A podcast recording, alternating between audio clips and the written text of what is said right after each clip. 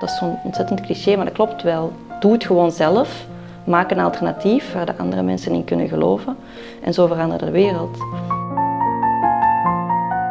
Zeker als, als, jong meisje of als jonge vrouw krijg je heel vaak van die rolmodellen te zien waar dat je eigenlijk geen weg mee kunt. Want die hebben een perfect uiterlijk en die hebben de perfecte maten. En uh, inhoudelijk zijn die vrij licht. En als je zelf ambities hebt of je ziet er niet uit um, zoals die vrouwen eruit zien op de covers van de magazines, dan, dan kun je daar geen weg mee. Dan, dan heb je niemand om naar op te kijken. En dat proberen wij wel te veranderen.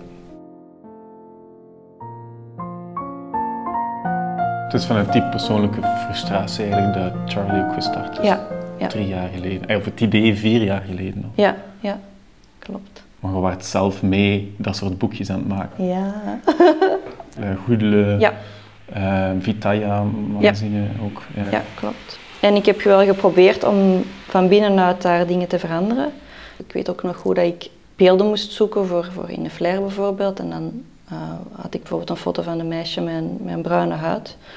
En dan mocht ik dat niet gebruiken, omdat dat commercieel niet interessant was. Omdat ze uit testen hadden gezien dat als je een meisje met een donkere huid op de cover zet, dat de verkoop van je magazines dan naar beneden gaat, omdat dat Amerikaans is. De meeste blanke meisjes kunnen zich niet meer identificeren. En ik weet dat ik dat, ik herinner me nog heel goed dat ik dat toen hoorde en dat ik echt zoiets had van, what the fuck gewoon.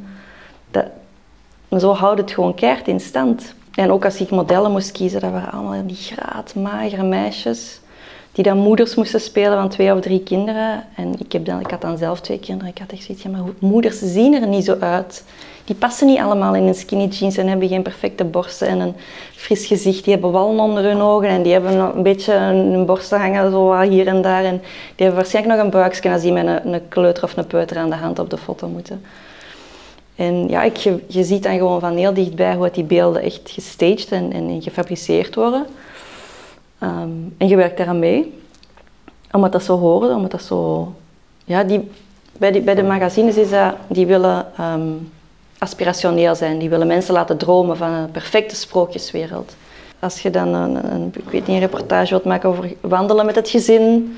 En je ziet er zo'n frisse mama met twee blije kindjes lopen, dan is dat veel aantrekkelijker dan dat je daar een mama zet die daar drie uur geslapen heeft s'nachts met twee vervelende kinderen die eigenlijk niet mee willen gaan wandelen. Het is een beetje slecht weer, dat nodigt niet uit dat wandelen. Dus dat zijn al die mechanismen om dingen zo aantrekkelijk mogelijk te maken, die ik ook wel begrijp. Maar die sprookjeswereld is die werkelijke wereld aan het vervangen. Wij zien veel meer sprookjesbeelden dan dat we echte beelden zien. En dat zorgt voor een mindfuck in mensen in hun hoofd.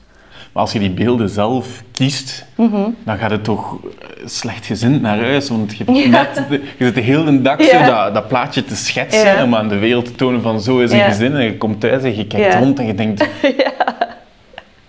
Zo is het echt niet. Ja, dat was... Ja, dat is wel... denkt je dan, wat ben ik verkeerd aan het doen? Heb is, is, is dat de eerste reflex? Ja, je bent sowieso met kleine kinderen, dat is, dat is al een heel vermoeiende periode, waarin dat je ook wel vrij onzeker bent, omdat je niet goed weet wat je aan het doen bent. Ehm, en inderdaad, je eerste reflex is dan, waarom is dat bij mij allemaal zo moeilijk? En waarom ligt er bij mij hier wel rommel? En waarom ben ik die zwangerschapskilo's na een jaar nog altijd niet kwijt? En waarom zijn mijn kinderen zo ambetant? En ik ben precies de enige die dat hier opfokt.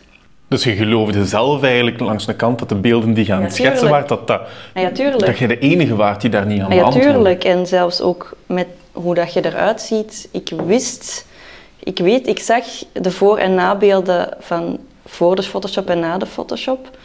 En zelfs ondanks, ondanks dat ik dat weet dat al die beelden gefotoshopt zijn in die bladen, kon ik nog altijd in de spiegel kijken en niet mezelf zien, maar enkel zien waarin dat ik verschilde van het ideaalbeeld. Dus als je naar jezelf in de spiegel kijkt, dan je, oh nee, mijn benen zijn te wit, mijn buik is te dik, mijn huid is niet egaal genoeg. In plaats van dat je gewoon kijkt en ah, ik zie mezelf en ja, ça va, valt wel keigoed mee, zag ik altijd de verschillen.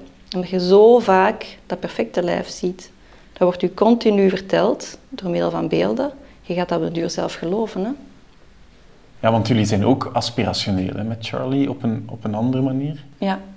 Ja. En jullie doen ook dromen. Hè? Ja, wij doen ook dromen, maar dan eerder in plaats van, van het perfecte kapsel, van een boeiende job of van, eh, van iemand die heel erg ehm, op een heel grappige manier een verhaal kan vertellen. Of eh, een, een, vrouw die een, een, boek schrijft waar al heel leven naar droom is. Of van mensen die de revolutie leiden of van mensen die daar vegetariër worden. Dat is een ander soort dromen.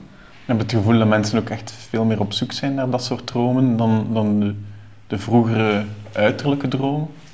Oh, ik, ik, weet niet of ik dat zo kan kwantificeren, maar ze zijn er wel naar op zoek. Sowieso. Um, ik merk als wij nu een stuk posten over de work-life balance, over burn-out, dat is altijd meteen een hit. Dus je voelt echt dat mensen aan het zoeken zijn van deze lukt niet, dat voltijds werken en kinderen opvoeden en, en al die sociale media en, en dat perfectie, die perfectiedwang, dat lukt niet en ik, en ik worstel daarmee en ik zoek uitwegen. Dus je voelt dat wel, dat mensen aan het zoeken zijn van, dat, ja, dat plaatje klopt niet, ik moet dat op een andere manier invullen. Hetzelfde voor duurzaamheid. Je, mensen willen zich wel um, anders kleden en ze willen niet meer alleen maar gaan winkelen in winkels waar de, de kleren door kinderarbeid gemaakt zijn. Maar waar moet ik dan wel naartoe? Want er is een heel beperkt aanbod van fair wear, kleren en die zijn uh, altijd vrij duur. Of voor mensen die hun eetpatroon willen veranderen, die wel weten van ja, de vleesindustrie is toch allemaal vrij louche. Maar hoe pak ik dat aan als ik drie, drie kinderen moet moet eten geven en bolkjes mee naar school. En die ene lust geen kaas en, en, en, en uh, iemand anders heeft een pindaallergie, dus die mag geen pindakaas. Dan moeten dan op die boterham smeren. Echt hele concrete dingen. ja. Herkenbaar. ja, ja, vrij herkenbaar hier. ja. Um, dus je voelt dat gewoon, dat iedereen wel door is van zoals we het nu aan het doen zijn, is niet allemaal zo, zo netjes en niet zo goed voor de planeet en niet zo goed voor elkaar. Maar hoe moeten we het dan anders doen? En over die vraag van hoe moeten we dat anders doen, dat vind ik een veel boeiendere vraag nu dan de vinger gaan wijzen van wie is het allemaal verkeerd aan het doen.